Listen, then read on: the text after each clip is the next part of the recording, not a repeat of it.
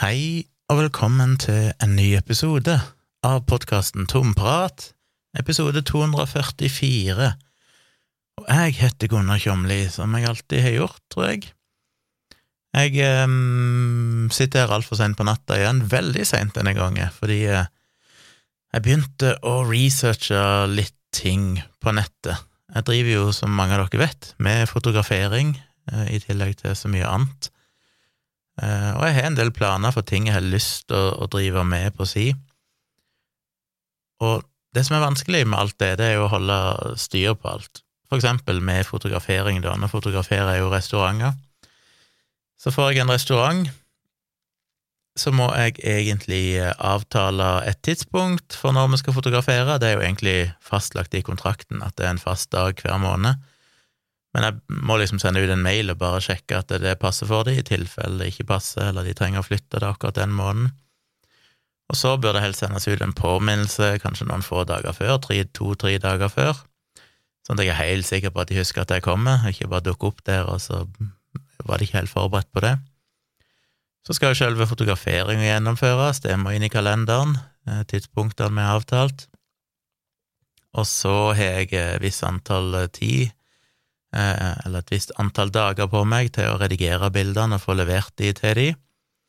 Og når det er gjort, så skal jeg sende faktura, og så er det jo hele sulamitten på nytt. Og det går jo selvfølgelig an å bruke kalender og to do-lister og sånn, men problemet er at det er veldig mye arbeid. Eh, for hver kunde så må du da hver måned opprette kanskje fem-seks forskjellige sånne huskepunkter i kalenderen eller to do-lister. Og det vil jeg helst ha automatisert, plutselig disse her eh, påminnelsesmailene og sånn. Det er gjerne fint at de er ferdige mala, og kanskje til og med sendes ut på ren automatikk fra et eller annet system. Så jeg eh, begynte å lete litt etter et system for å styre prosjektet. Og dette er jo ikke noe ukjent problem. Dette er liksom eh, Ja, det er utvikla tonnevis av prosjektstyringsverktøy for, spesifikt for fotografer. Og eh, de ser flotte ut, men det er liksom vanskelig å vite hva har akkurat dette systemet det jeg trenger? Eh, er måten å jobbe i det på sånn som jeg liker? Og det setter meg i det dilemmaet som jeg var borti tidligere, for jeg har vært gjennom denne prosessen før, men da var jeg litt mer på jakt etter et system for å Ja, eh, litt prosjektstyring, men jeg tror jeg òg var litt på jakt etter et, et sånn fotonettsted, en plass jeg kunne ha porteføljen min og legge ut klientbilder i et galleri og sånne ting. Og apropos det, så er det jo kjipt at mange av disse tjenestene har en sånn trial period. Du kan få sånn free trial, sju dager eller 30 dager eller et eller annet. Men problemet er at hvis du da benytter deg av den, og så ender det opp med at dette passer egentlig ikke for meg, og så bruker du det ikke, og så kommer du tilbake ett år seinere fordi du har nye behov, og så tenker du jeg må prøve det der programmet igjen. Så får du gjerne beskjed om at your trial, your trial period has expired. Og det er ganske teit. Disse her tjenestene burde ha noe sånn greie at hvis du prøver en ny trial liksom etter seks måneder eller etter ett år, så bør du få innvelge en ny trial period. Og det går helt sikkert an å sende mail til supporten og sånn og be om at de skal gjøre det manuelt, hvis du forklarer hvorfor. Men det burde jo være automatisert, for det er vel sannsynlig at hvis du kommer tilbake etter et år, for eksempel, så er du ikke der for å utnytte systemet til å få gratis, eh, et gratis opplegg, eh, for det vil være veldig ineffektivt. Så det er litt, litt frustrerende at hvis jeg på et eller annet tidspunkt i fortid, om det så er fem år siden, tester ut et eller annet, og så plutselig i framtida tenker jeg at da burde jeg gå inn og teste ut dette her. Så får du ikke gjort det, og det er jo idiotisk, for da risikerer de å miste meg som kunde, eller ikke miste meg, men miste meg som ny kunde, fordi jeg får ikke testa dette. Så det jeg ender opp med å gjøre, gjerne er at jeg kjøper én måned, eh, bare for å få testa det da, og så som regel koster ikke det så mye, det er kanskje en hundrelapp eller 50-lapp, hundrelapp, 150 worst case. Men det er det engangsbetaling, og hvis ikke jeg liker det, så bare kansellerer jeg, og så, så er det greit. Men, eh, men, ja, det er irriterende. Så jeg måtte gjort det på noen greier. Jeg begynte å researche masse artikler som sammenligner sånne tjenester. Problemet med de er jo at det, altså det der er jo en hel business i seg sjøl. Alle sånne fake reviews, det vil si, ja, fake og fake, men Det er folk som har blogger eller nettsider, som skal skrive om et eller annet produkt, og så er det så åpenbart at de gjør det fordi de har fått betalt for det, eller et eller annet sånt. Og gjerne har en affiliate-link, så når du klikker på linken, så får de noen prosenter. Eh, og dette er jo en svær business, det er jo egne firmaer som bare driver med sånn. Jeg husker jeg hadde ei venninne eller bekjent for noen år siden som jobba i et selskap her i Oslo som basically bare driver med det. Hva de kaller det nå? Inbound marketing? Nei, in Et eller annet sånt, der hun egentlig da bare satte opp eh, nettsider som skal se ut som en eller annen privatperson som skryter av denne tjenesten eller produktet. Eh, og så nesten alltid så produserer de en e-bok, som basically er at de sikkert bare lager et enkelt sånn eh, En liten innføringsguide eller, liten eller et eller annet sånn minikurs, men fem nyttige ting å huske på, eller et eller annet sånt. Uh, og så er det gjerne sånn link da på sida, sånn 'Få vår e-bok helt gratis med nyttige tips til bla, bla, bla'. Så klikker de på den, og så må de oppgi e-postadressen sin, og så får de downloada denne e-boka, da, som gjerne kanskje bare er en PDF. Uh, og det er kun for at de skal ha e-postadressen. For når de da har e-postadressen, så går den rett inn i et eller annet system, sånn CRM eller kundesystem, sånn at de blir liggende inne der som en sånn potensiell kunde som de da kan ta kontakt med. Så alle de der gratistingene du kan laste ned, det er jo kun for å, å hooke tak i deg på et eller annet vis. Men det er ganske provoserende at det er firmaer som jobber med det, og basically setter opp falske nettsider som bare skal liksom lede folk inn til produktet, og som gjør at når du googler dette produktet, så, så kommer de inn over disse her tilsynelatende ærlige, personlige bloggene som egentlig bare gjør én ting, og det er å markedsføre ett produkt. De har kanskje bare én bloggpost eller én side, men det merker ikke folk flest, for de googler, og så får de treff på den, og så leser de det. Så sjekker de kanskje ikke at det ikke der finnes eh, tonnevis av andre artikler.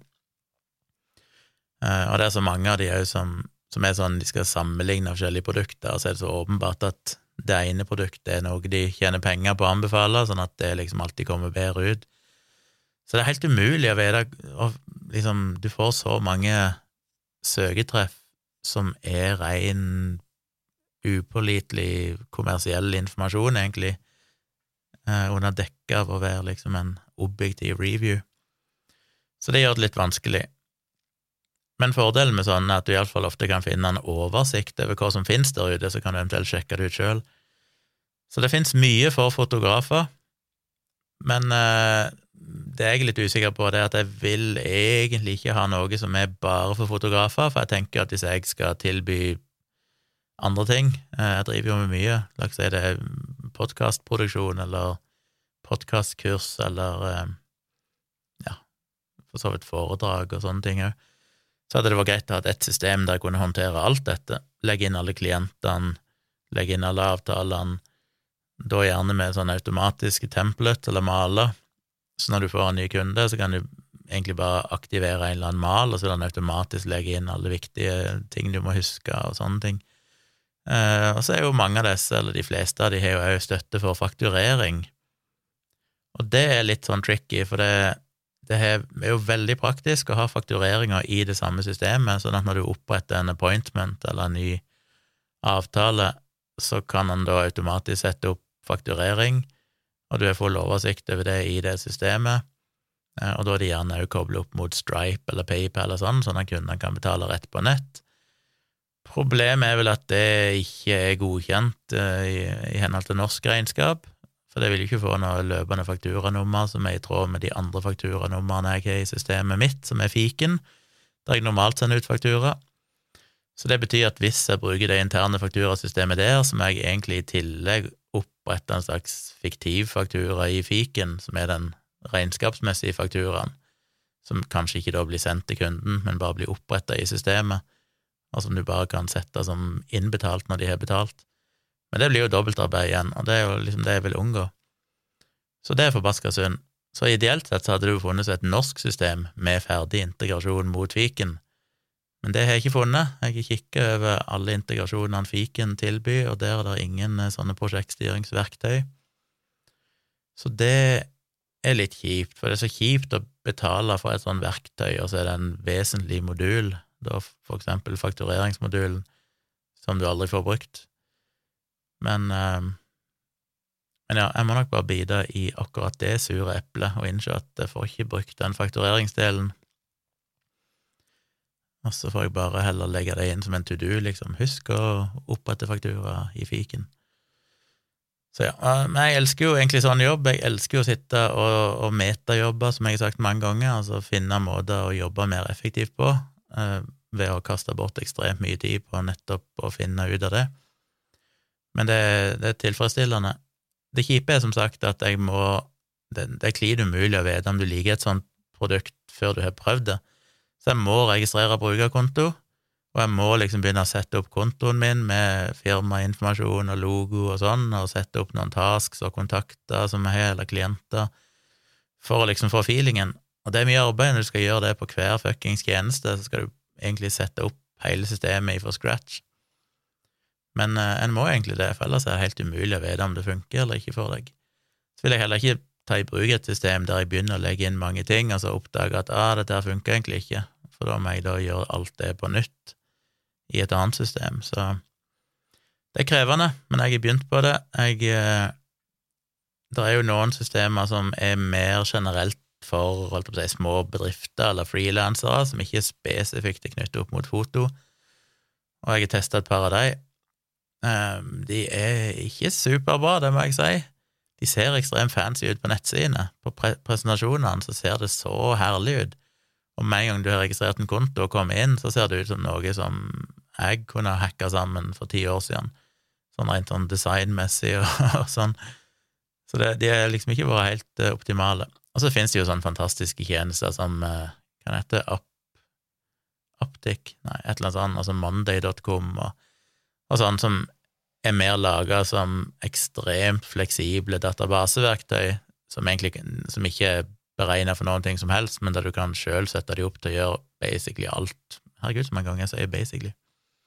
Du basically kan gjøre alt mellom himmel og jord, men det krever mye oppsett i starten. Du må sette opp tabeller og tasker og koble ting sammen i avhengighetsforhold og alt mulig sånn, men hvis du gidder det, så kan du lage veldig kraftige Det er nesten som å å programmere gjennom drag and drop.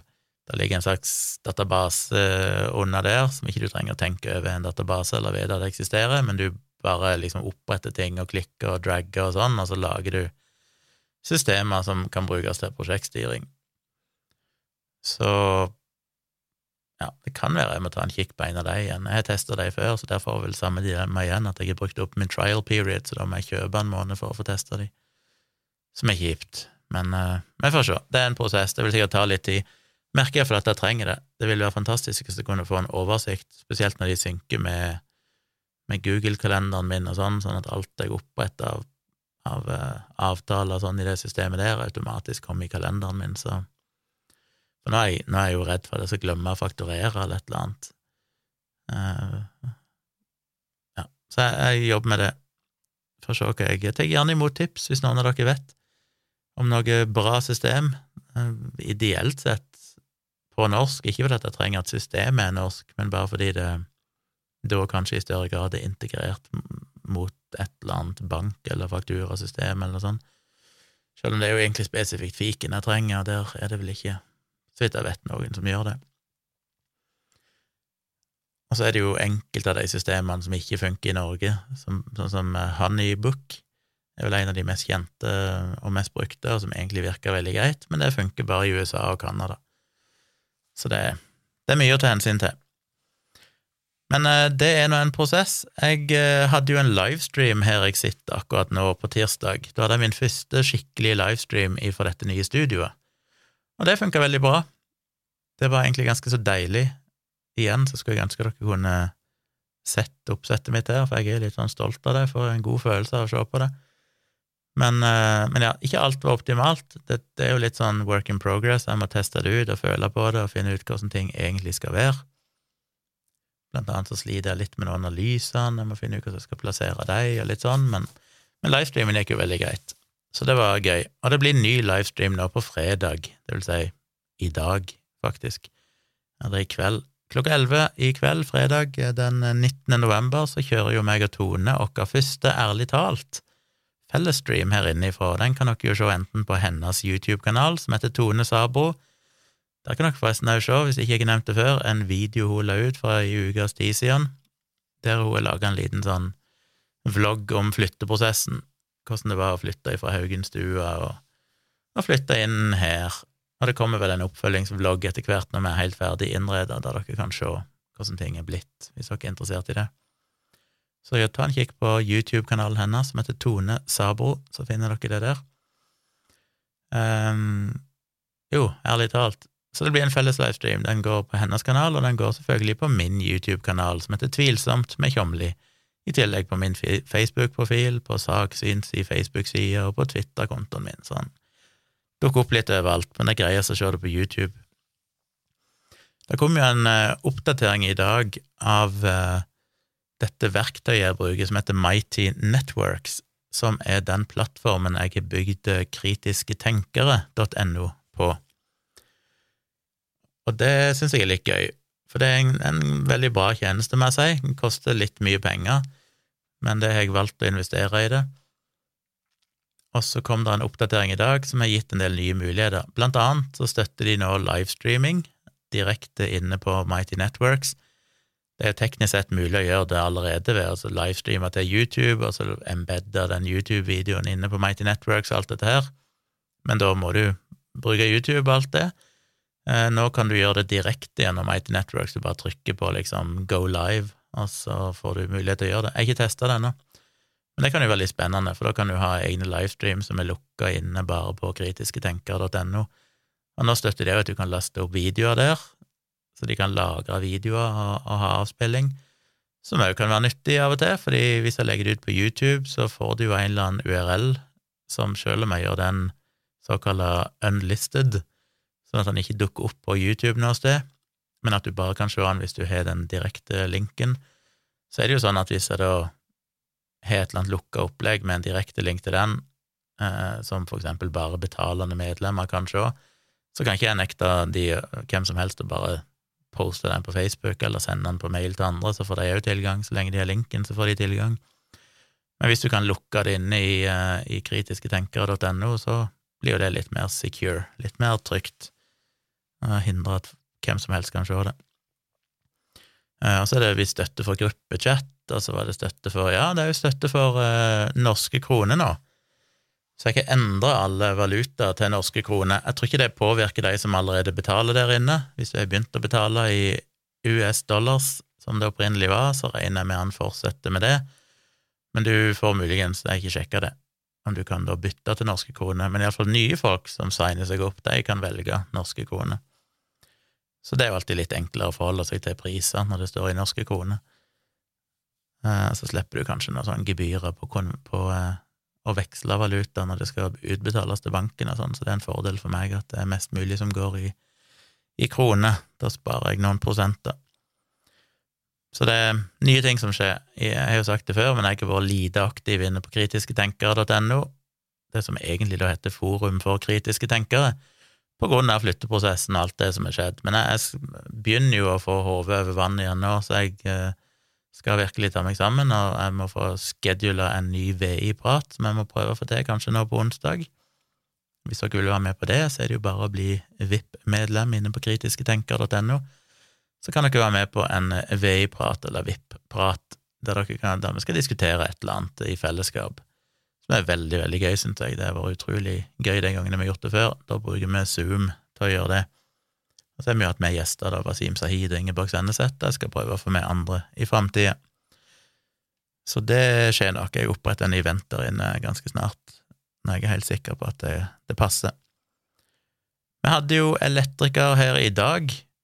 Det har jo vært en, eh, en pågående saga. Det tar si tid, dette med elektrikere, og jeg tør jo egentlig ikke tenke på hva den endelige regninga blir.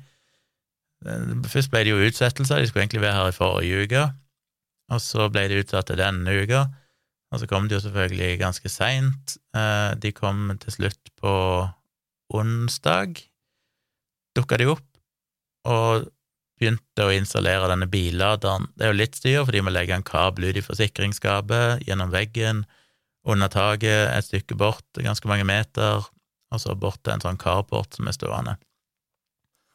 Eh, og så måtte de montere da denne laderen på veggen ut forbi en bod som er knytta til carporten, og den boden, der eh, er det ikke lys, det er ikke strøm, så jeg ba de sette opp lys der inne og sette opp et par stikkontakter. Det kan være kjekt å ha hvis du skal koble til en støvsuger eller et eller annet for å støvsuge bilen. Alltid kjekt med noen utvendige stikkontakter. Men den boden lekker jo som ei sil. Det drypper jo og er klissblaut på veggene, så jeg håper ikke den bare råtner vekk i løpet av et års tid. Eh, så det kan bli nok et prosjekt til våren å se om det går an å få gjort noe, noe med den.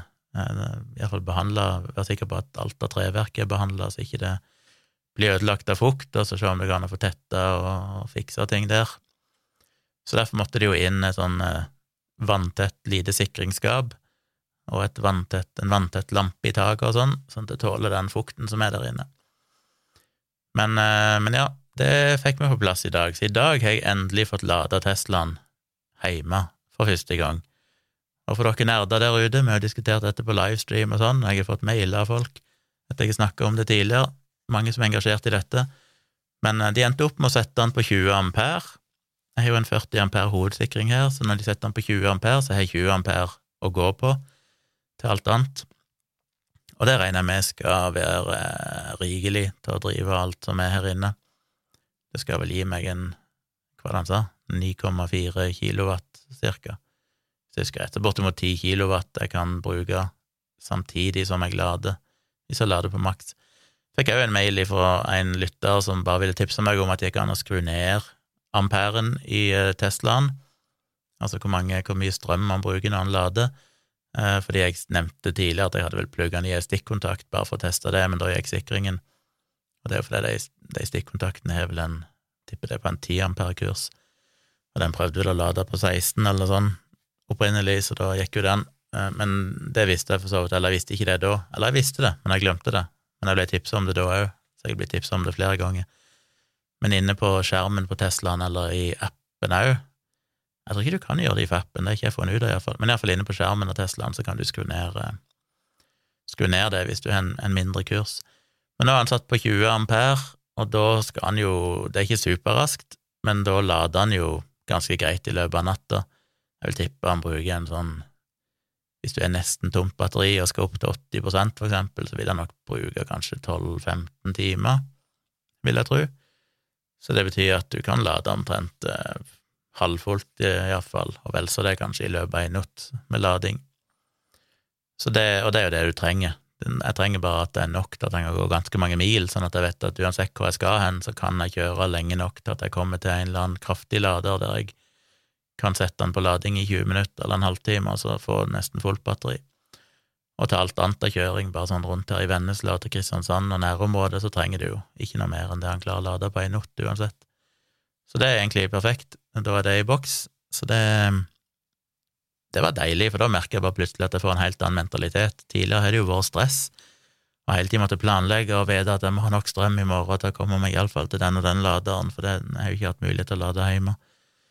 Eh, eller teknisk sett kunne jeg gjort det via stikkontakt, men det hadde gått ekstremt treigt, og jeg ikke gidda styrt med det. Det har jeg heller tenkt at jeg kan bare planlegge litt. Så det var litt deilig. Så det fikk de på plass, men det tok sin tid, de brukte vel tre timer eller sånn på onsdag, og da hadde de bare fått opp omtrent kabelen og noe sånn. Så kom de tilbake i dag tidlig og begynte, og jobba vel i ja, mange timer i dag òg med å få på plass resten, så hele denne prosessen med å installere den laderen tok fryktelig lang tid. Eh, to personer. Så ja, jeg skjønner ikke helt hvorfor det tok så lang tid, men det gjorde den iallfall. Og så begynte de litt på andre ting, å sette opp noen stikkontakter her og sånn, men de kom ikke så veldig langt. Så måtte de stikke. Så skulle de komme tilbake kanskje i morgen, men sannsynligvis neste uke. Så jeg håper en av de dukker opp i morgen, for det hadde vært fint å få på plass disse nettverkskablene. De hadde nå i det minste klart å skaffe Cat6A-kabler til meg, sånn at jeg kan få eh, 10 gigabit eternett her i kåken. Ikke at jeg kan bruke det, men det er greit med tanke på framtida å vite at jeg har den kapasiteten. Den dagen jeg får et eller annet med 10 gigabit eh, nettverkskort. Viktig å tenke framover. Så det går sakte, men sikkert, men uh, i beste fall får jeg kanskje på plass noen nettverkskabler i morgen hvis de dukker opp i det hele tatt. Men det er mye som gjenstår. Det er fortsatt uh, Vi skal montere et uh, speil på badet med lys og, og litt sånne ting. Så det er litt irriterende at det skal liksom ta et par uker, og de bare kommer innom, og så må de forsvinne, og så er det ikke tid, og så blir det utsatt, og så arr. Men, eh, men ja, det går jo sakte, men sikkert framover. På tirsdag så hadde jeg Teslaen på service. Det var ikke noe galt med han, men eh, jeg tenkte det var best å ha han inne på en årlig service. Han hadde jo vært inne i desember i fjor, fikk jeg vite. Jeg kjøpte han jo i slutten av august, brukt. Så, men jeg fikk høre at den forrige eieren hadde hatt han inne i desember i fjor og den skal ifølge selger ha fulgt alle servicer. Så det var ikke noen grunn til å tro at noe var galt, jeg ikke merka noen ting galt. Men det var det at Tesla har jo en sånn eh, garanti som varer i enten jeg ikke hva, x antall år, eller fram til han har kjørt 100 000 km. Og nå hadde jeg kjørt 99 984 km, eller noe sånt, så det var liksom rett før jeg bikka 100 000, så jeg tenkte nå bør jeg få han inn på en service, fordi hvis de finner et eller annet galt på han, så er det jo veldig kjekt å få det på garantien. Så derfor så heiv jeg han inn på en service nå. Um, så det var for så vidt greit. Det var bare å kjøre til Sørlandsparken, der holder Tesla til, levere inn bilen, og så tusla jeg inn på Sørlandssenteret og satte meg på en kafé, kjøpte litt kaffe og, og mat og hadde med laptopen og, og chilla der i tre og en halv time, vel, som det tok før uh, de var ferdige. Og gikk og henta Teslaen igjen etterpå, og det kosta den nette sum av 7000 kroner.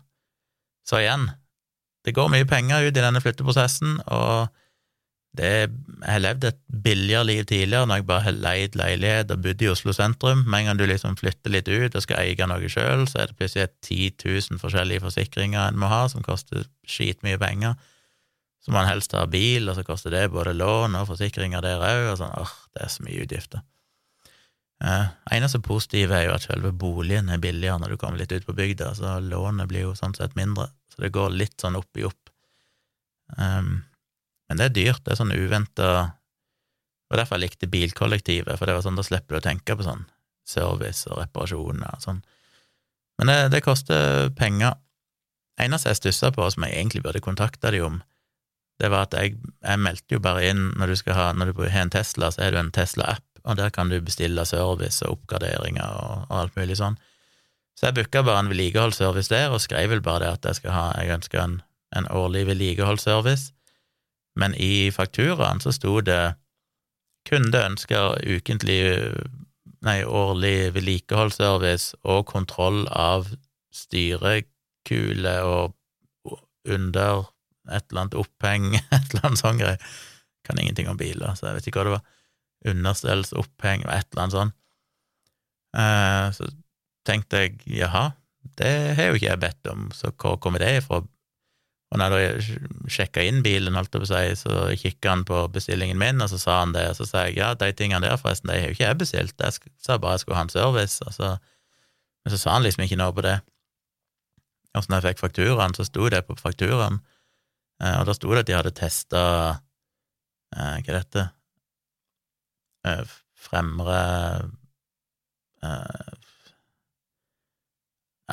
ja, et eller annet med styringa eller posisjonen til akslinga et eller annet, jeg det har jo et navn, jeg husker ikke hva det heter, og bak og alt var i orden, men det er sånn, ok, men jeg har aldri sagt at det ikke var i orden, jeg har aldri bedt om å få det sjekka, men så vet jeg ikke om det er bare en sånn standardgreie, da, hvis du skal ha en årlig service, at det er en del av det de gjør, og derfor så ble det skrevet inn, men det fremsto liksom på fakturaen som om jeg hadde spesifikt etterlyst det, og jeg aner ikke om det gjorde at det kosta mer penger enn ellers.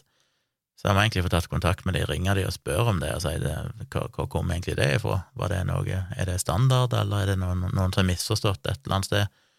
Blanda sammen min bestilling med noen andre sin, eller et eller annet, for det Men det er mulig det koster, eller ja, det er mulig det koster så mye. I praksis så skifter de jo bare noe sånn filter og noe sånne greier, og sjekker bremsevæske og et eller annet sånt. Ehm, så jeg vet ikke hvorfor de sjekker alle de andre tingene, men det er mulig det er standard. Få se. Hvis det er noen der ute som har Tesla, Model S, eh, si, fortell meg gjerne hva dere har betalt. Eller jeg trenger ikke si hva de har betalt, men eh, hvordan erfaring har dere? Er det liksom standard at de sjekker det her opphenget, styr... Hjul Hjul, eh, Shit. Jeg burde egentlig ha, ha sjekka akkurat hva dette. Skal vi se her. Tesla Service, historikk, faktura, spesifikasjon. Og der står det um, Ønsker en årlig servicesjekk på bilen og sjekk av understell slash opphengskuler. Ja. Og så det de har gjort, det er performed annual service, replaced cabin air filter, replaced desiccant bag for AC system, cleaned and lubricated breaker, brakes, checked brake fluid er like good. Og så Alt det er liksom greit, for det regner jeg med er standard, men så kommer checked suspension front and rear, no fault found. Og det er jo der jeg lurer på om jeg har betalt mye ekstra, da, for noe som jeg egentlig ikke bedt om, men, eh, men ja, hvis det er vanlig å betale rundt 20 000 for en generell service, så, så tips meg gjerne om det på mailen min, for eksempel, som er tompratpodkast at gmail.com, der jeg tar imot tilbakemeldinger og tips og spørsmål om ting dere vil jeg skal snakke om. Så det var Tesla-servicen. Jeg eh, hadde meg en lengre kjøretur i går, altså onsdag, eller egentlig i forgårs, teknisk sett, eh, for det vi skulle ha et styremøte med firmaet mitt, og det skulle vi ha på Tonstad, fordi nå som jeg er flytta til Vennesla, og en av mine kollegaer holder til på Bryne, en annen kollega som holder til i Oppdal, men det ble litt for mye reising for han for å komme på et par timers styremøte, for da må han først ta tog eller kjøre til Trondheim, og så må han ta fly fra Trondheim til Sola, og så må noen hente han på Sola, og så, ja, mye styr. Så han eh, deltok bare via video. Um, men meg og han fra Bryne, vi kjørte til Tonstad, som ligger sånn sirkus midt imellom oss, så det var et sånn greit kompromiss, siden eh, de som er hovedaksjonærer i selskapet, og på en måte er styreleder og regnskapsfører, de holder til på Tonstad, så da ble det et greit kompromiss. Så jeg skulle kjøre til Tonstad, hadde vel bare litt over halvfullt, kanskje, knapt nok det, batteri. Og så kikka jeg innom uh, appen Jeg har to sånne ladeapper. ene er fra Mer, og det andre er fra Fortum uh, Charge, et eller annet. Det er de to jeg liksom har sett tidligere, som har vært greie å ha, spesielt de Mer-laderne, de er overalt. Så jeg kikka kjapt på kartet og så for jeg skulle kjøre det som kalles for Indreveien, altså den korteste ruta mellom Vennesla og Tonstad, heller enn å kjøre først sørover, ned til motorveien, og så følge den langs kysten, og så opp igjen, som tar en eh, halvtime lenger omtrent. Så jeg skulle kjøre Indreveien, som delvis er ekstremt smale veier. Eh, noen plasser som han tok meg, så var det bare plass til én bil, en sånn kjerrevei, basically, med, sånn du, hvis det kommer en bil imot deg, så må du liksom kjøre inn til sida og stoppe. Så det er jo en artig vei å kjøre. Men jeg kjørte nå den, og hadde sjekka og så at å ja, det er jo en del ladere på den strekningen der, så jeg bare tar det med ro, kjører et stykke, og så finner jeg en eller annen lader en plass og lader litt. Eh, når jeg begynte å kjøre, så viser jo Teslaen hvor mye batteri han regner med du bruker, og da sto det at eh, hvis jeg kjørte uten å lade, så ville jeg ha 3% batteri igjen når jeg kom til Tonstad. Men da måtte jeg holde meg under 75 km i timen for å klare det. Og det kunne jeg jo selvfølgelig gjort, men det er jo 80 store deler av strekninga, så det ville jo være litt sånn stress hvis jeg glemmer meg vekk og plutselig da ligger i, i 80, og så plutselig så tapper det for mye batteri og et eller annet. Så jeg tenkte det var litt risky. Og den andre problemet jeg hadde, var jo at når jeg kommer til Tonstad, så skal jeg jo hjem igjen òg etter styremøtet, og da må jeg jo vite at jeg har nok batteri til å komme meg ifra Tonstad og iallfall til nærmeste lader. Og jeg har visst at det finnes et par ladere på Tonstad, men jeg visste ikke hvor kraftige de var. Så hvis det var Jeg visste at den ene laderen som jeg testa før en gang, som står med den videregående skolen på Tonstad, den er veldig treig, og jeg kunne ikke risikere at jeg da måtte plutselig vente på Tonstad i timevis mens han lader. Så jeg tenkte jeg må ha nok batteri når jeg kommer der til at jeg iallfall kan komme meg tilbake igjen, hvis ikke jeg har mulighet til å lade noe særlig på Tonstad. Så jeg begynte å kjøre, og jeg kjørte jo tidlig på morgenen og, og fikk meg verken kaffe eller frokost, for jeg tenkte at det er jo koselig, stoppe innom en bensinstasjon og kjøpe meg litt kaffe og, og noe å bite i. Og jeg begynte å kjøre, og ikke én fuckings bensinstasjon på den veien. Det er jo en, en, en, tur som ifølge Google skal ta to timer og ti minutter, så det er ikke sånn superlang tur.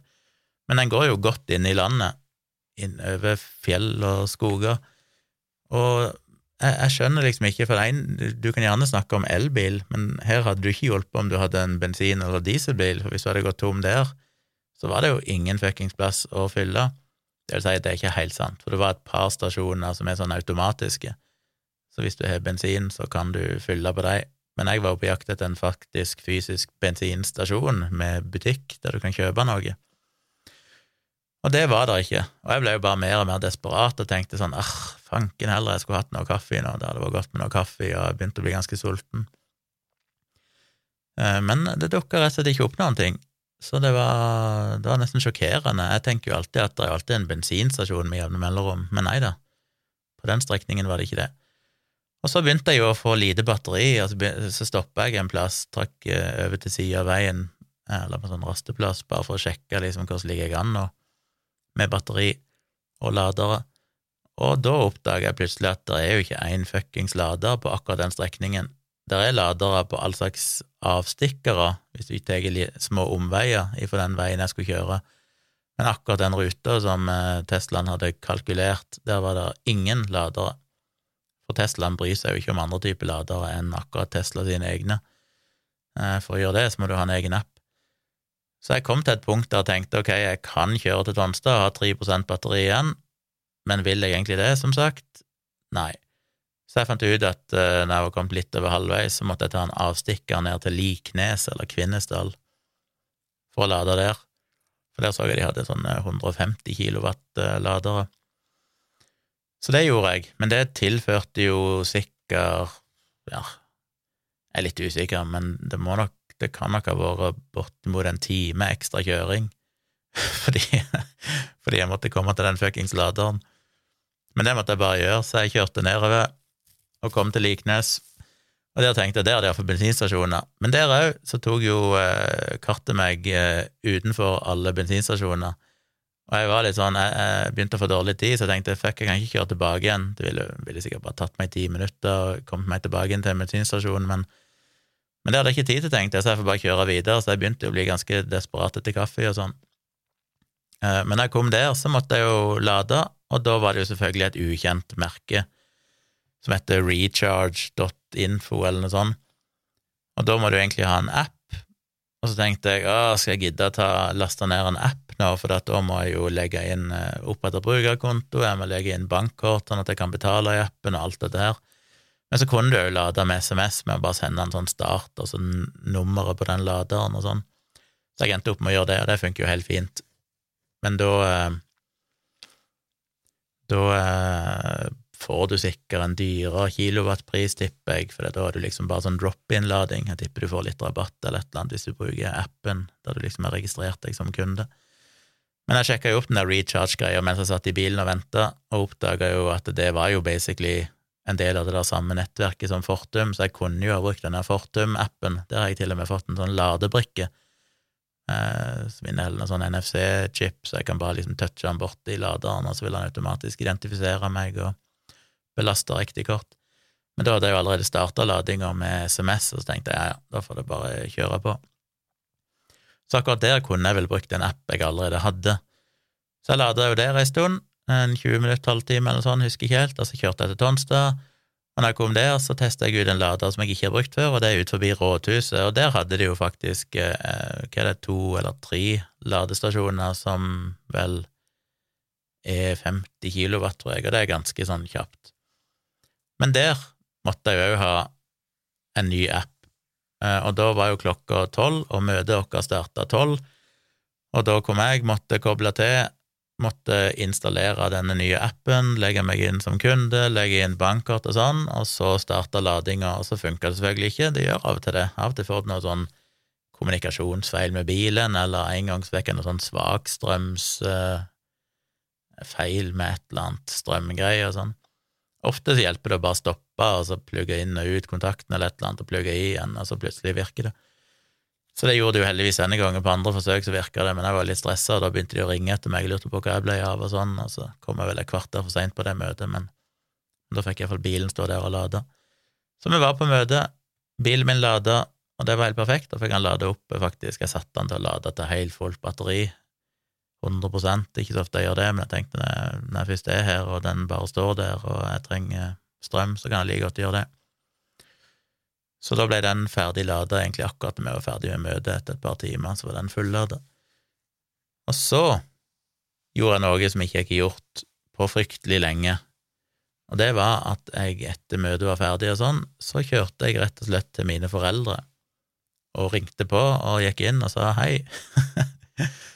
og det var litt uvant, fordi de siste tolv årene jeg har bodd i Oslo, så har jo alltid mamma de visst når jeg kommer, for da er det jo avtalt at du, vi kommer til Tonstad den og den dagen, og så overnatter vi som regel hos deg.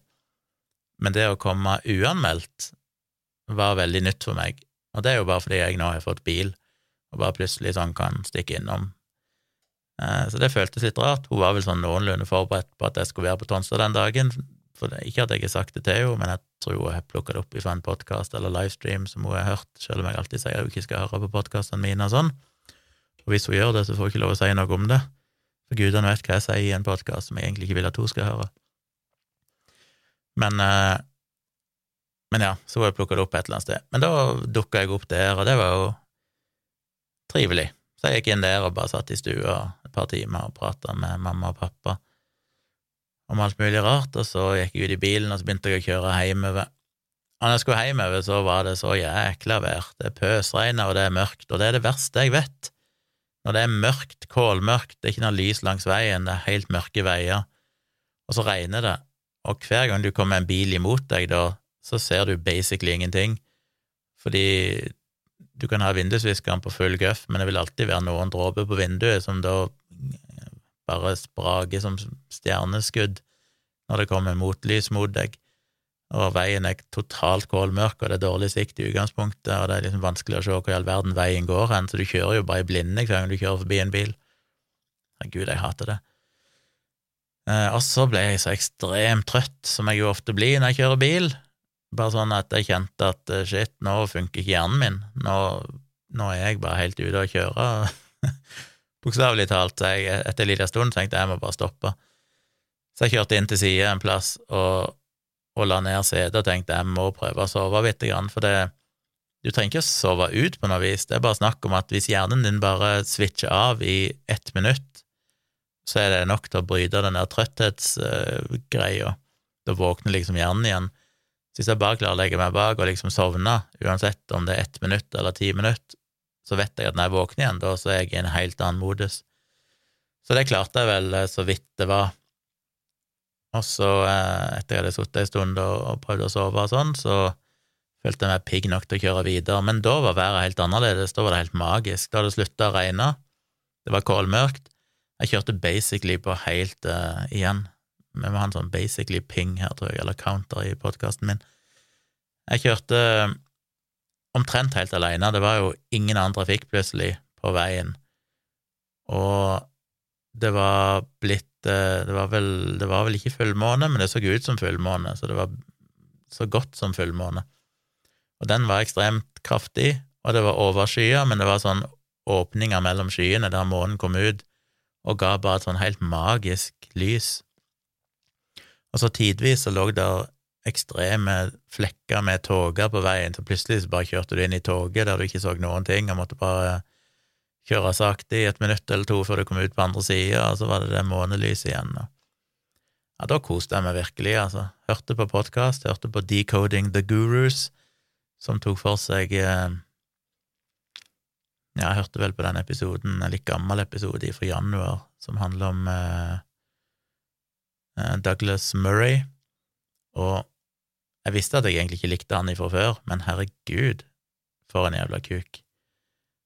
Og igjen, denne her gjengen som, som disse her eh, Rollnes-klanen elsker, disse her eh, senter-høyre, nykonservative folkene som liksom skal være så rasjonelle og logiske og virkelig liksom kalle en spade for en spade, skjære gjennom all denne bullshiten fra venstresida som er så opptatt av å bli krenka av alt mulig.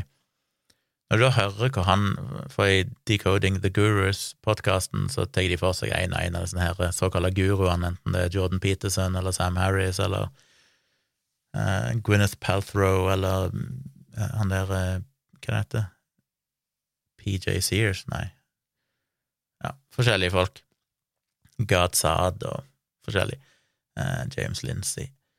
Og så hører de en del på podkastene, og så på en måte har de en sånn kritisk analyse da, som gjerne kan vare i to-tre timer, der de spiller av klipp fra podkaster og drøfter det.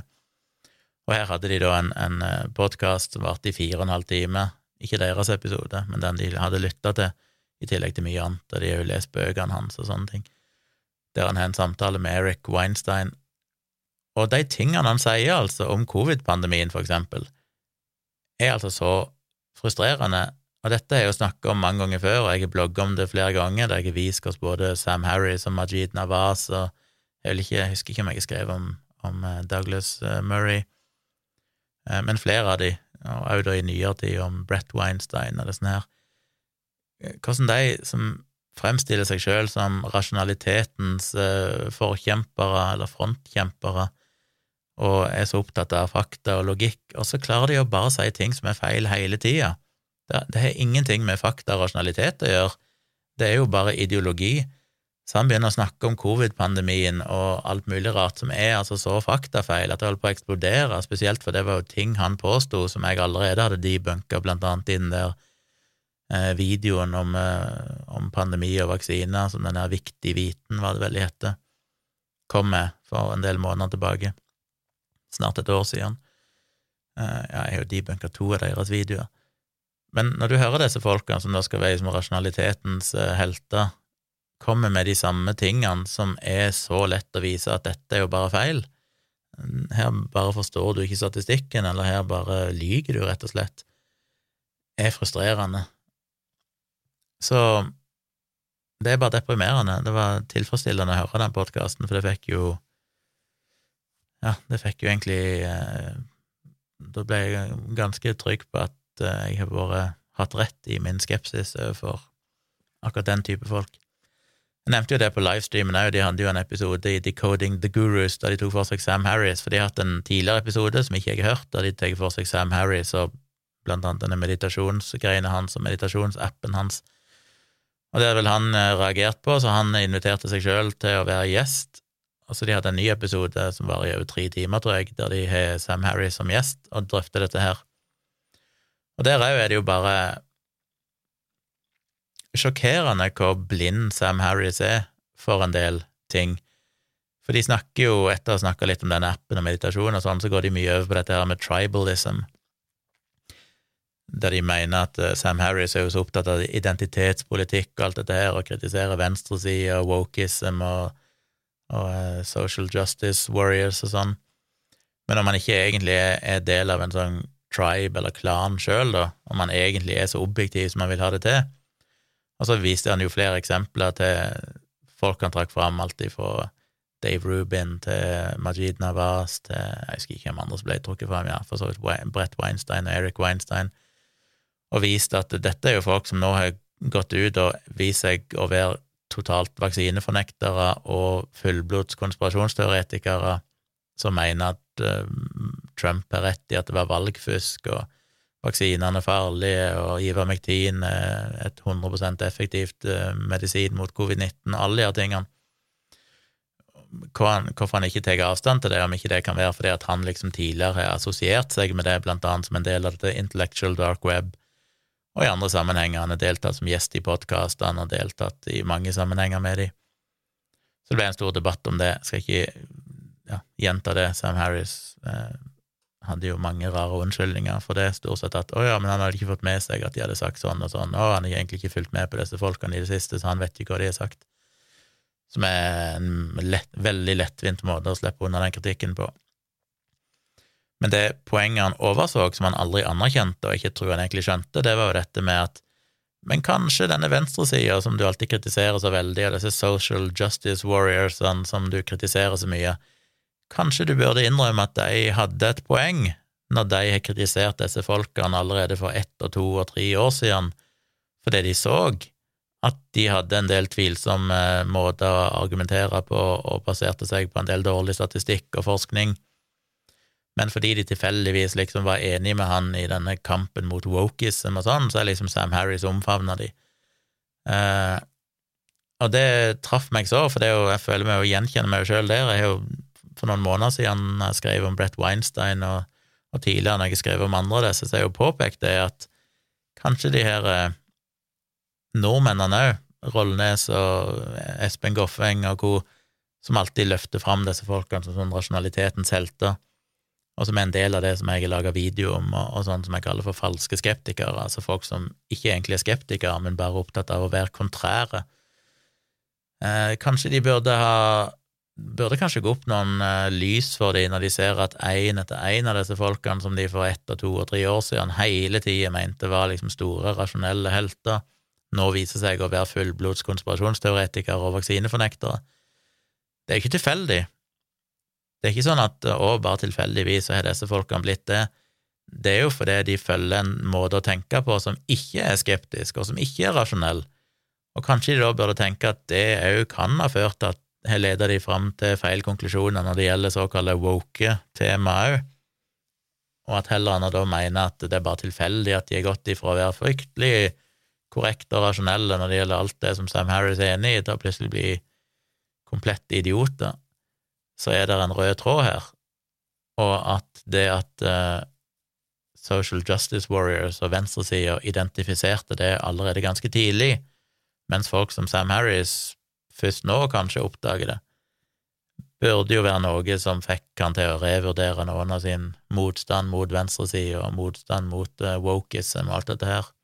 Kanskje han burde innse at det er en grunn til at vi er skeptiske til disse folkene, har vært det veldig tidlig, fordi, ja, jeg skrev jo en blogg for oss for to-tre år siden der jeg tok for meg blant annet Sam Harris og Majid Nawaz og sånn, og viste hvordan de misbruker forskning til å argumentere ja, for enkelte ting, og det er gjort i flere omganger, og snakke om det dialogisk og sånn òg.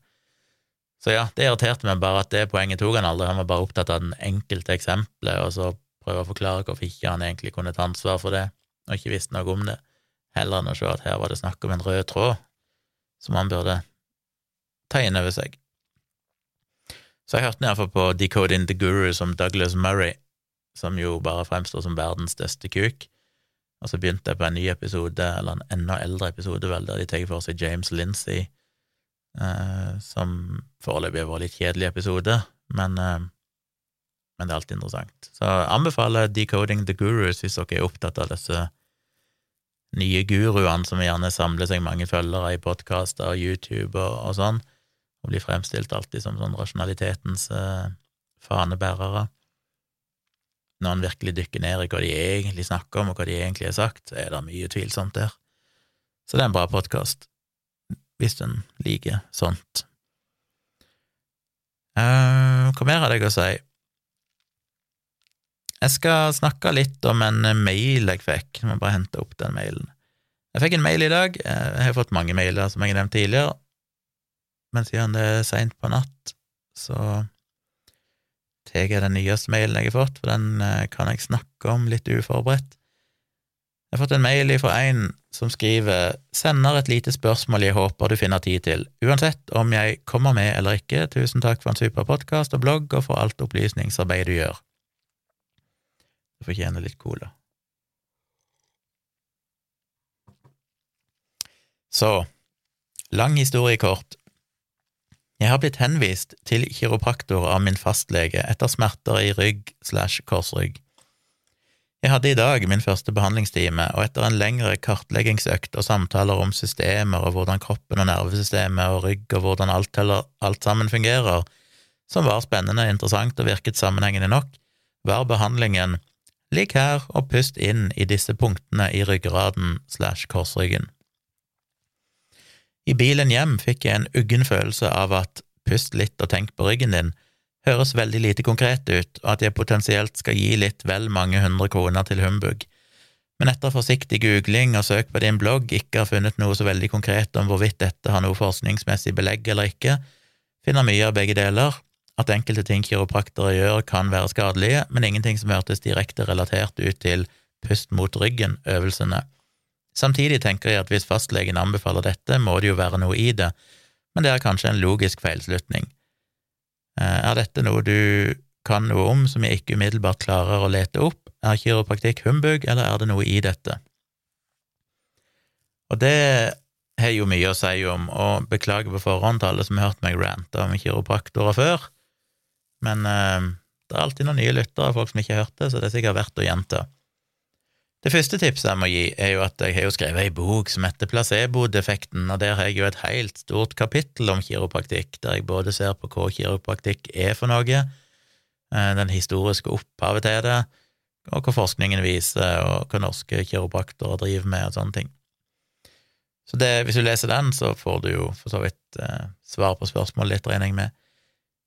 Jeg vil vel òg anbefale den episoden av Folkeopplysningen, ifra, det var vel allerede første sesong, det, da hadde de jo en egen episode om kiropraktikk. Men jeg lurer på om første sesong av Folkeopplysningen nå nettopp forsvant fra NRK nett-TV, fordi rettighetene nå har gått ut etter ganske mange år. Vet ikke hvor lenge det leide nå, ti år? Ja, mange år iallfall. Så det er ikke sikkert det er mulig å oppdrive den lenger. Eh, ellers så har jeg jo noen bloggposter i bloggen min om kiropraktikk. Så hvis du går inn på tjomli.com og bare søker på kiropraktikk, så finner en en del bloggposter jeg er òg, eh, hvis en googler Tjomli og kiropraktikk, så vil jeg anta du òg finner blant annet en kronikk i Aftenposten som jeg skrev for noen år siden sammen med Andreas Blomkvist Wahl, og en til som jeg ikke husker hvem var. Men vi var tre personer i hvert fall som, som skrev en kronikk. Det var vel som reaksjon på det at de den gang da vurderte å innføre kiropraktikk som et studium på Universitetet i Oslo. Et eller annet sånt. Eh, som jeg har skrevet mye om det. Men akkurat det her med å puste mot ryggen, eller å puste Hva var det det sto?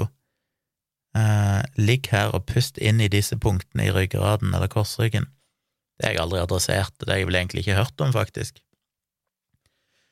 Men til det mer generelle spørsmålet virker kiropraktikk, så er jo, er jo det alltid et komplekst eh, spørsmål og svar, fordi ikke, altså I boken min Placebo-defekten så har jeg tatt for meg tre alternative behandlinger, og det er homøpati, fordi det er liksom så langt ut i ytterkanten, det er jo basically religion.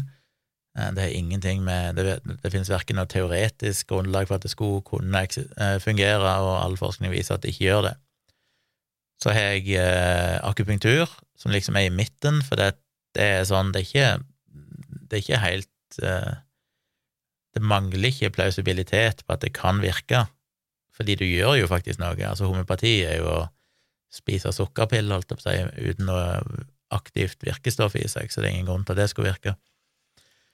Men, eh, men, nei, men akupunktur, da stikker du faktisk nåle i folk, og det er jo ikke urimelig anta at det kanskje kunne hatt en effekt på en eller annen måte, enten vi kan forklare det eller ikke. Og det er jo òg noe som delvis er inne i helsevesenet. Homopati er jo ikke inne i helsevesenet på noe selvs vis i det offentlige helsevesenet, men kiropraktikk blir jo brukt på fødeavdelinger til gravide og, og, i andre sammenhenger, enkelte andre sammenhenger, så det er liksom litt sånn stuereint, sjøl om det absolutt ikke finnes noe god evidens for at det heller fungerer. Så det burde jo ikke være inne i, i det offentlige helsevesenet i det hele tatt, etter mitt syn. Og så til slutt tar jeg da kiropraktikk, som er helt uh, ja, egentlig helt på den sida at det, det ikke egentlig blir sett på som alternativt, tror jeg, blant de aller fleste. Det er mer liksom kiropraktikk, det er jo sånn fysioterapi, og det er liksom greit. Og fastleger henviser jo da, som nevnt her, til kiropraktorer, og kiropraktorer har jo vel lov å sykemelde pasienter og henvise til røntgen og alt mulig rart, så de har jo mye makt, holdt jeg på å si, eller mye, mye de kan gjøre. Eh, så kiropraktikk er jo noe som er legitimt på én måte, og jeg vil tro at det kan ha noe effekt for enkelte tilstander, ofte bare kortvarig effekt, men for liksom de viktigste tingene, sånn som det med nettopp som denne skribenten eller lytteren skriver til meg, smerter i rygg og korsrygg, som er den største folkehelseproblemet i Norge, det er det mest utbredte, utbredte helseproblemet som nordmenn har, jeg husker ikke tallene, jeg skriver en del om det i placebo-defekten, akkurat statistikken på det, men uh, det er veldig utbredt, og det koster jo det offentlige store summer hvert år på grunn av sykemeldinger og alt det der. Så det er klart det er attraktivt å henvise til kiropraktorer, for den har en følelse av at de kan knekke opp ryggraden, eller knekke opp, eller løse opp, eller gjøre et eller annet magisk, som jo bare er bullshit. Det det er jo ikke noe knekking i bildet, det er jo ikke noe manipulering av knokler, det ville jo gjort folk lamme hvis de hadde gjort det. Det er jo illusjoner, eh, som jeg forklarer i boken min hvorfor, hvorfor denne knekkelyden kommer, for eksempel. Det er jo ingenting med knoklene å gjøre direkte. Eh, men eh, det er jo populært. Problemet er at det ikke virker.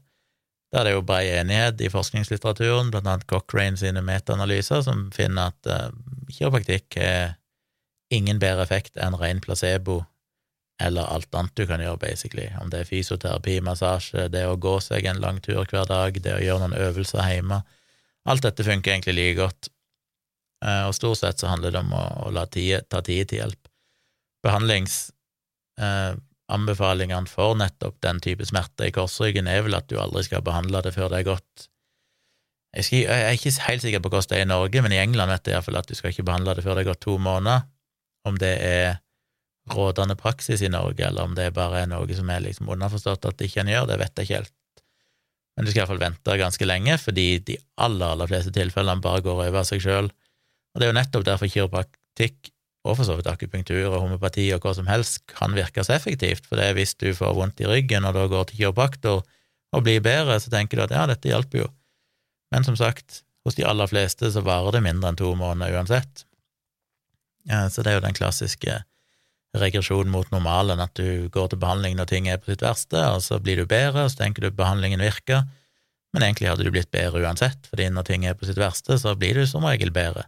De fleste symptomer og smerter og sånn går i bølger, eh, kommer og går, enten permanent eller periodisk, men uansett hva du da gjør når ting er på sitt verste, så vil det da kunne virke som at det egentlig hjalp, selv om det ikke hadde noe med det å gjøre.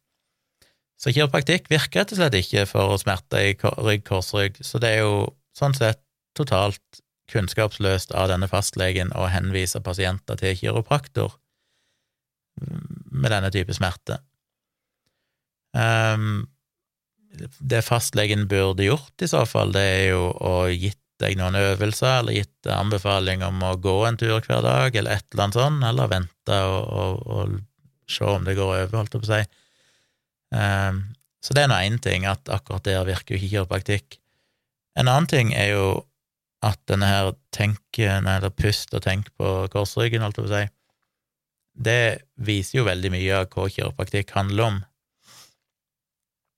og det er ikke manipulering av muskler og ledd, men det er manipulering av psyken eller psykologien, fordi dette handler jo primært om det. Smerte er et i stor grad altså, En kan jo sikkert ha en stor filosofisk diskusjon omkring hva smerte egentlig er.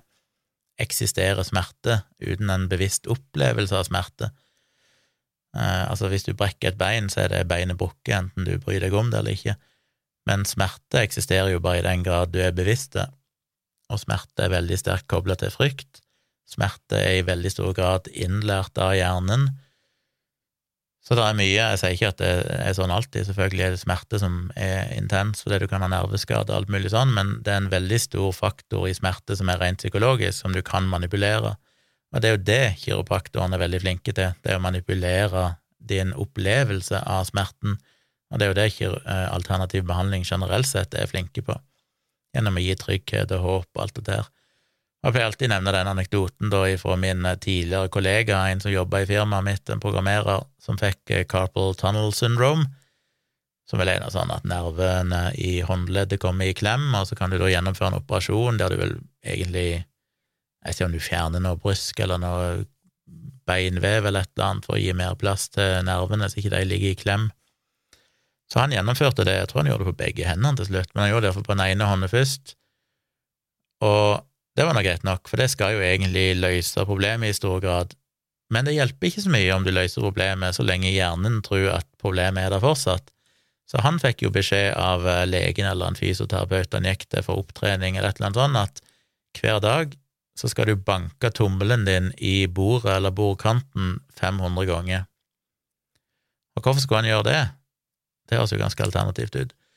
Men det var rett og slett fordi at han måtte da avprogrammere hjernen sin den ideen om at å bevege fingrene eller tommelen eller hånda på den måten var knytta til smerte. Så hvis ikke han hadde gjort det, så kunne han operert seg, og teknisk sett så vil årsaken til smerten være vekke, men hjernen hans vil fortsatt assosiere håndbevegelsene med smerte, og dermed skape smerte gjennom ren frykt og en sånn betinga respons. Og det er jo det som er så interessant, og det er jo det kiropraktorer og mange alternative behandlere eh, utnytter, enten de vet det eller ikke. Det er jo et annet eksempel jeg ofte bruker, det er en video som gikk viralt for noen år siden, som jeg mener var jeg tror det var en australsk kiropraktor som hadde en gutt som jeg tror var fra Sør-Amerika, eller noe sånt, som hadde reist rundt halve jorda for å komme til denne kiropraktoren. Og han gikk jo så krokrygga, han så jo ut som eh, en U, opp-ned-U der han gikk. Og så kom denne kiropraktoren, og så er det liksom videofilmer at denne kiropraktoren bare i løpet av veldig kort tid helbreder gutten sånn at han kan reise seg opp igjen med rak rygg. Og den delte veldig mange under liksom teksten at uh, for noen hevder at kiropraktikk ikke virker, men dette her har du beviset, liksom. Og det var et veldig godt eksempel på det som mest sannsynlig da var en ren psykologisk manipulasjon, som selvfølgelig er en god ting. Eh, gutten ble bedre, men denne kiropraktoren gjorde jo ikke egentlig noe med ryggen hans. Det han nok mest sannsynlig gjorde, var å avtrene frykten rundt det å rette opp ryggen, som hos denne gutten var veldig sterkt knytta til smerte. Så det som ville skjedd, er at gutten på et eller annet tidspunkt har fått en ryggskade, kanskje strukket en muskel eller et eller annet sånt, som har gjort det veldig smertefullt å bevege ryggen eller rette seg opp, sånn han liksom måtte gå krokrygga for ikke å ha smerter. Når du har gjort det ei god stund, så begynner jo da hjernen å tenke at det å rette opp ryggen vil være fryktelig vondt. Dermed tør du ikke gjøre det lenger, og hvis du prøver å gjøre det, så vil du kjenne smerte fordi hjernen har lært seg til at det er smertefullt. Så det denne kiropraktoren nok gjorde, var jo egentlig bare å gi denne gutten den tryggheten og roen til å tørre å gjøre det, og da oppdage at dette er jo faktisk ikke vondt, og da lærer hjernen det at å ja, oi shit, her, her er det jo ikke sånn som det var før, så nå kan jeg faktisk rette ut ryggen. Og jeg har jo sjøl fulgt noen sånn grupper på Facebook med kiropraktorer, manuellterapeuter og sånn, og flere av de innrømmer jo det, og de skriver om det og diskuterer det, at uh, de er veldig klar over at det de gjør, er psykologisk manipulasjon, at uh, det meste av fundamentet for kiropraktikken ikke egentlig holder vann, men at det handler mye om å gi trygghet og avlære smerte og avlære negative tanker, alt opp seg, i hjernen. Så det med det bakteppet, så tenker jeg jo at det er mye det denne kiropraktoren gjør. Han eh, snakker om å puste og tenke på disse punktene i ryggen, og det tror jeg nok i stor grad kan handle om en psykologisk manipulasjon. Og når jeg sier manipulasjon, så mener jeg ikke det som svindel eller at noen prøver å lure deg til noe. Jeg mener bare manipulasjon i betydningen endring eller påvirkning av psyken din. Eh, at det kan handle om at du skal ligge og Altså, det er to, to ting i spill her. Det ene er at hvis du gjør det over et par, tre, fire uker, så er det jo så sannsynlig at du vil bli bedre som en konsekvens av denne her regresjonen mot normalen, eller regresjonen mot gjennomsnittet, som rett og slett bare er at du mest sannsynlig vil bli bedre over tid av deg sjøl. Og hvis du da gjør disse øvelsene, som kan være å ligge og puste og alt dette her, så vil du sannsynligvis tro at det var det som hjalp over tid. Ehm, men et annet aspekt er jo at det kan da ha en betryggende, beroligende effekt, som gjør at du kanskje avlærer deg denne frykten som er knytta, for hvis du har i en lengre periode nå hatt veldig store smerter i ryggen, og enkelte bevegelser har vært vonde å gjøre, så kan det som sagt da sitte mer i hjernen din enn i ryggen, og at du trenger å avlære det reaksjonsmønsteret. Så mulig at det er et aspekt der òg, at ved å gjøre den øvelsen, så kanskje vil det gi deg en trygghet og, og avspenning, eh, mer psykologisk, som kan være positiv, sånn at det ikke nødvendigvis bullshit det psykologen, nei, det kiropraktoren sier, men det har jo egentlig ikke noe med kiropraktikk å gjøre. Eh, du kunne egentlig gjort dette på mange andre måter. Så jeg skal ikke gi noen medisinske råd, jeg kan jo bare si det som forskningen ser ut til å vise. Jeg syns det er problematisk at fastleger henviser til kiropraktorer, spesielt for de tingene der det er slått ettertrykkelig fast at det er ikke noe evidens for at uh, dette faktisk virker, uh, og iallfall ikke har noen langsiktige virkninger. I beste fall så kan det jo gi en kortsiktig virkning, og det er jo kiropraktoren veldig flinke på. De er jo flinke til å sørge for at du må komme inn igjen hver måned eller annenhver uke for å forebygge, eller så kan du bli dårlig igjen. De er flinke til å behandle friske pasienter, folk som ikke egentlig har noen problemer, men da de får beskjed om at hvis ikke du får en jevnlig eh, kiropraktisk behandling, så kan du oppleve at du får vondt. Og det er jo etter mitt syn grovt uetisk å plante frykt i pasienter for å sikre en fremtidig inntekt. Men ja, jeg skal ikke rante så mye mer om kiroprakter, jeg har ikke gjort nok av det. Eh, mye av dette skriver jeg jo om i placebo-defekten, og sjekk gjerne ut bloggposter på tjomli.com der jeg nevner kiropraktikk. Jeg har skrevet mange om det og sett på forskningen for spedbarnskolikk og andre ting opp gjennom tida. Men det var nå mine tanker rundt dette, så hvis jeg var deg, kjære innsender og lytter, skal ikke bruke navnet i tilfelle du vil være anonym, så ville jeg eh, ha droppa og gitt denne kiropraktoren ei eneste krone til. Jeg mener jo det at skal en først bruke penger eller få hjelp med problemer i muskler og ledd, så ville jeg gått til en manuellterapeut, som er den best kvalifiserte. Det er vel en person da som har en, en ganske tung utdannelse i bånden og spesialisering på på denne fysioterapidelen, og de er nok de som er best rusta til å vite hva som faktisk er korrekt, selv om jeg selvfølgelig alltid blir skuffa når jeg ser fysioterapeuter og sikkert manuellterapeuter drive med sånn triggerpunkt, akupunktur og, og, sånne ting som det heller ikke er noe god evidens for at faktisk virker, og det ikke engang er noen evidens for at det egentlig finnes noe såkalte triggerpunkter.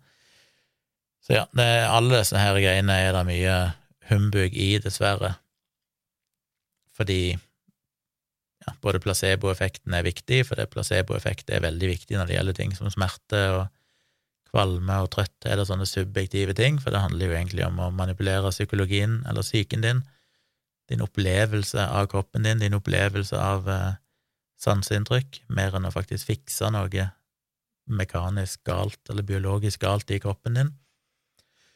Så alle de er jo er jo, ja, Pluss at det er mye regresjon mot normalen, at mange av disse tilstandene er forbigående.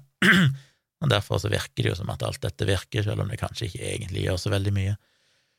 Så den generelle anbefalingen ved smerte i korsryggen er jo å, å heller prøve å være i aktivitet, gå turer, alt dette her. Eh, gjerne snakke med en fysioterapeut eller en eh, manuellterapeut og så få noen enkle øvelser du kan gjøre hjemme.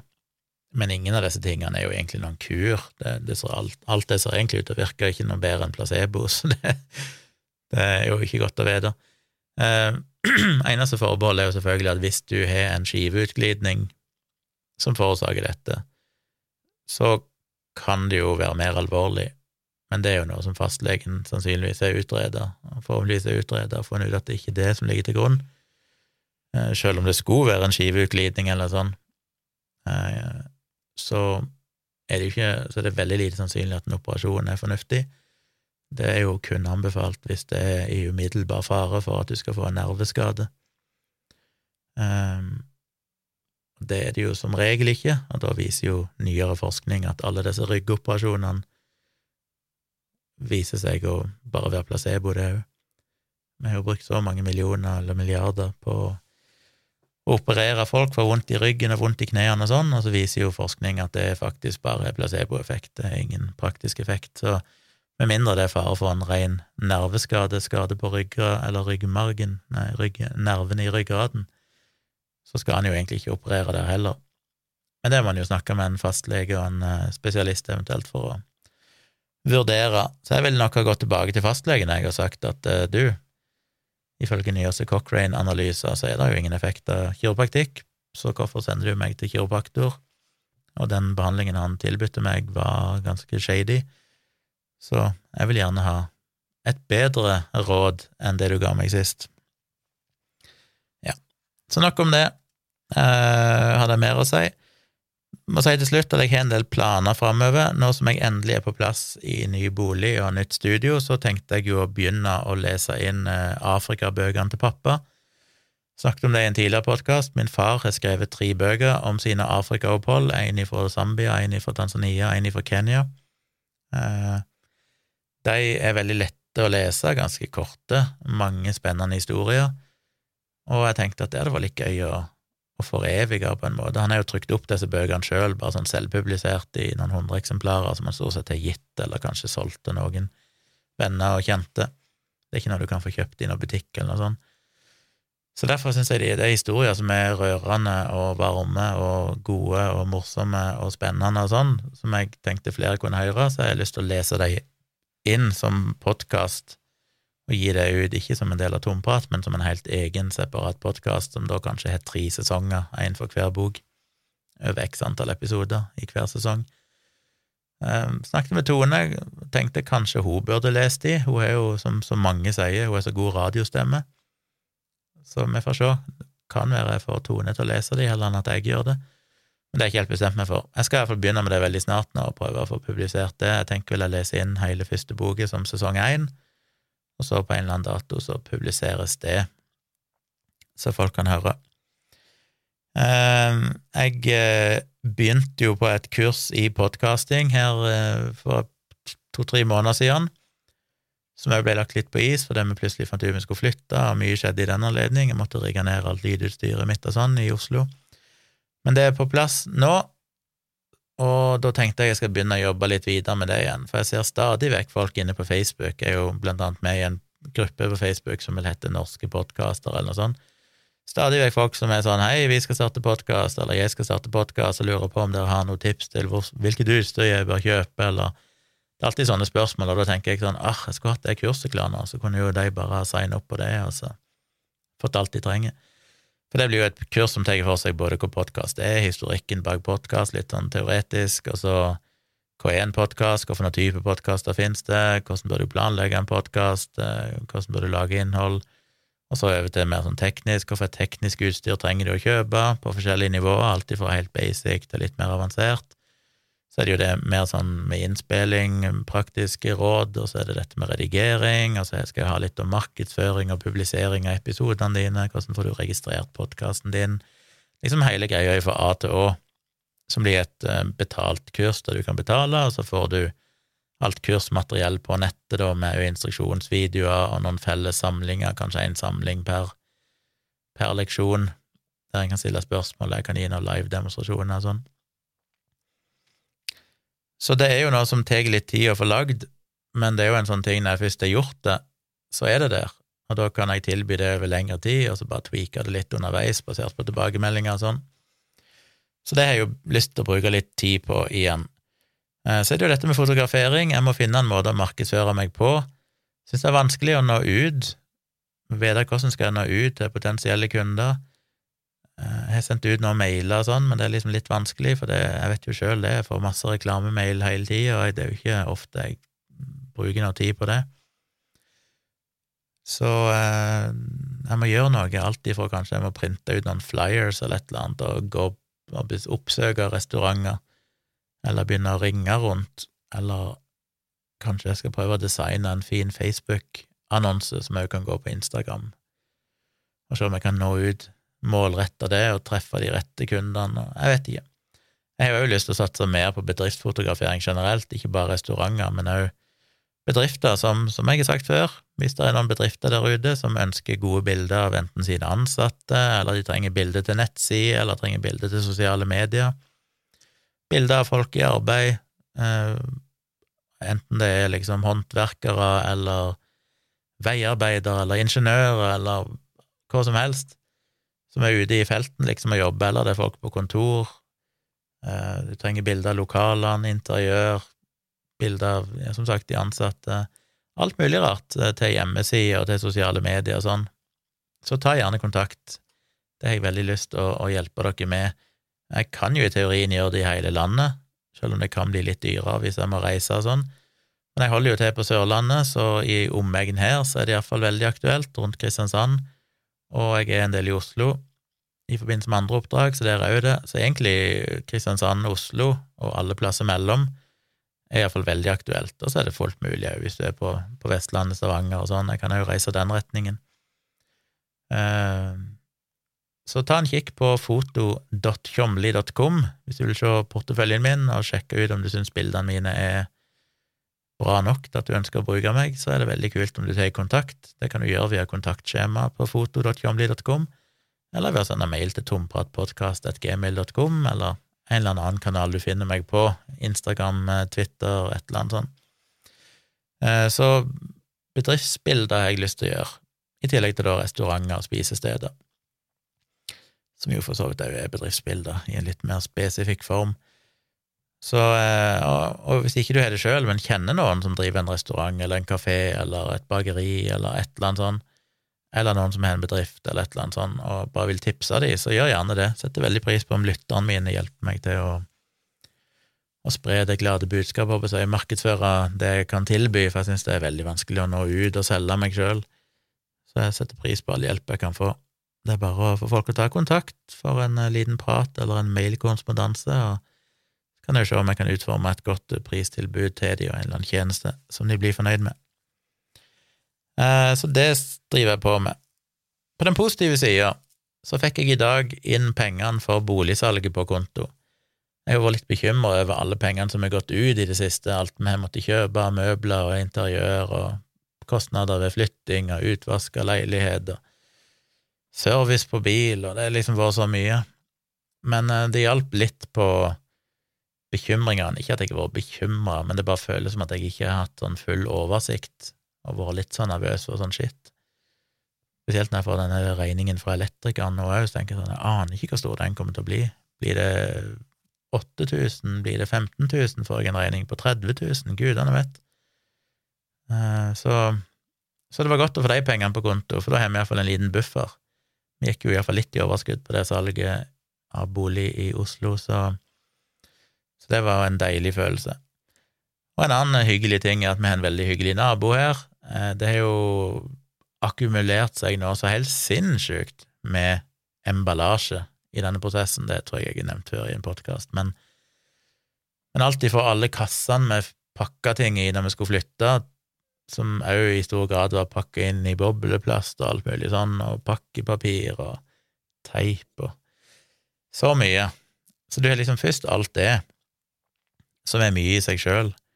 Og så i tillegg da, så kommer det tonnevis av Ikea-møbler og seng og kjøleskap og alt dette her som er, er kjøpt, som òg alltid er pakka inn i tonnevis av papp og plastikk. Og til slutt hadde jeg jo følt det som mange kubikkmeter, det er jo ikke det, da, for hvis du komprimerer det, så er det sikkert ikke så mye i praksis, men i løs versjon, når du bare stabler ting oppå hverandre, flatpakker alle kassene og, og sånn, og presser det sammen inn i en bod, så var det sinnssykt mye. Jeg visste ikke hvordan jeg skulle bli kvitt det. Du kan ikke putte det i søppelkassen, det er jo ikke sjans. Eh, og det er jo søppelplass i nærheten, eller hva heter det for noe i dag så fint, gjenvinningsanlegg, nei, renovasjonsanlegg, nei, et eller annet sånt. Heter vel ikke søppelplass lenger.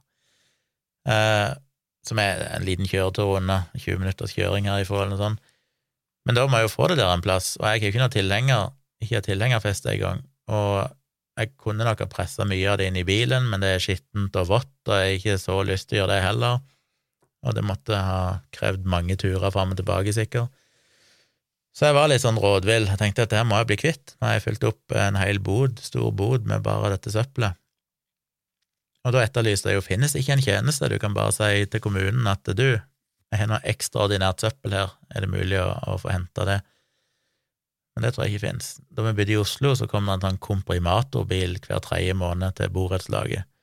Så da kom det en sånn bil der du kunne komme med alt du hadde av sånn eh, ja, papp og for så vidt treverk, tror jeg, og mye sånn gamle møbler, sånn at du basically heiv inn i bak en sånn bil som bare knuste det og komprimerte det. Og det var litt deilig. Du kunne akkumulere det over tre måneder, så når den kom, så kunne du bli kvitt det. Det er det jo ikke her, eh, eller de, de fleste plasser. Men eh, naboen har jo en liten tilhenger, så jeg eh, hinta vel frampå at jeg hadde det problemet, og da var jo han hyggelig nok til å si at du, jeg skal ha noe kapp og noe greier, jeg må kjøre på søpla uansett, så jeg setter tilhengeren på forsida, så er det bare å lesse på det du måtte ha, så skulle han ta kjøret på søppelplassen. Så det gjorde han. Så da ble vi kvitt alt av papp, eh, med fortsatt plasten igjen, men det skal vi se om jeg kan eh, trikse systemet ved å rett og slett pakke all plasten i noen sånne plastsekker, og så legge de ved søppelkassen neste gang det er innsamling av eh, plast eh, av søppelbilen, og så bare se om de tar det med seg, da. Worst case gjør de ikke det, så blir de liggende igjen, men i best case så tar de hintet, og så tar de med seg de sek ekstra sekkene. Se om det gjenger. Men eh, den generelle frysten er jo hvor mye emballasje der er på alt her i verden Heldigvis, holdt jeg på å si, så kan jeg i det minste gjenvinne det og sånn. selv om det er jo en stor debatt som jeg har skrevet og blogga mye om, hvor hensiktsmessig det i det hele tatt er. Mye tyder på at å gjenvinne kartong og papir og sånn kanskje er verre enn å bare brenne det, med tanke på CO2-utslipp, og, og gjenvinning av plast er jo generelt sett lite for seg, det er jo bare en illusjon, stort sett, det er jo egentlig ingen, ingenting av plasten som egentlig blir gjenvunnet. Den blir stort sett bare sendt ut av landet, og så vet ingen hva som egentlig skjer med den. Så det er jo egentlig bare å lure seg sjøl. Men iallfall i teorien så, så, så kan en iallfall kildesortere det og sende det til noen andre som får det problemet. Uh, ja, det er mye emballasje, men jeg kommer vel kanskje ikke utenom det, så Så det får være sånn som det. Det er godt å ha hyggelige naboer som kan hjelpe. Jeg tror det var alt jeg hadde lyst til å snakke om i dag. Det ble mye personlig ranting og litt substans om kiropraktikk, håper. Eh, send, fortsett å sende inn spørsmål og tips til tompratpodkast.gmail.com. at gmail.com. Eh, bestill gjerne bøkene mine inne på tjomli.com slash bestill. Jeg har nå fått masse nye bøker, så er det bare å bestille, så kan jeg sende dere bøker i posten ferdig signert med en personlig hilsen. Så det er veldig kult om dere gjør. Eh, gå inn på kritisketenkere.no og støtt meg der, eller bare bli gratismedlem hvis du bare har lyst til å delta i diskusjonene. Men du kan støtte meg ved å bli støttemedlem eller VIP-medlem eller medlem av Den innerste sirkel. Du kan òg fortsatt støtte meg på patron.com slash tjomli hvis du heller ønsker å gjøre det der. Selv om jeg skjønner ikke helt hvorfor en skulle ønske det, men eh, den fins nå, den òg. Og så eh, blir det jo da livestream med meg og Tone i kveld klokka elleve. Og ny episode av Virkelig grusomt kommer på mandag, og ny episode av denne podkasten kommer på tirsdag igjen i neste uke. Så det er alltid ting som skjer. Men jeg setter veldig pris på dere som mailer meg, dere som gir gode tilbakemeldinger. Atter en gang så vil jeg bare gi en oppfordring om å, å, bruke litt tid på å gå inn på Apple Podcasts og gi meg noen positive stjerner, og enda bedre hvis dere gir meg en hyggelig kommentar eller review òg. Ikke for min skyld, som jeg sa i forrige episode, men fordi det hjelper på algoritmene til Apple å få pusha podkasten min ut til flere. Fordi dessverre så er det ofte sånn at de som er fornøyd, de sender mail, og de som er misfornøyd, de skriver en kommentar på Apple Podkast, og da gir det litt skeivt bilde. Så veldig kult om dere bruker fem minutter på å bare søke opp eh, eller gå inn i podkast-appen og så gi meg en, eh, en, hyggelig rating, og kanskje òg en, en, hyggelig kommentar. Det betyr mye. Men takk for at dere er aktive og gir meg positive tilbakemeldinger i livestream og på mail og alt mulig sånn, og ikke minst at du har gidda å hørt så langt som dette. Og hvis du da attpåtil gidder å dele podkasten på eh, Facebook eller Twitter eller andre plasser og tipse andre om den, sånn at den blir mer synlig for folk, så er jeg òg uhyre takknemlig for det.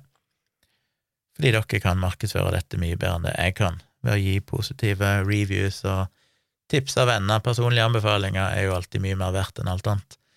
Så det var dagens episode. Nå skal jeg få kjørt den ut, og så skal jeg komme meg i seng. Det jaggu meg på tide. Vi høres igjen snart.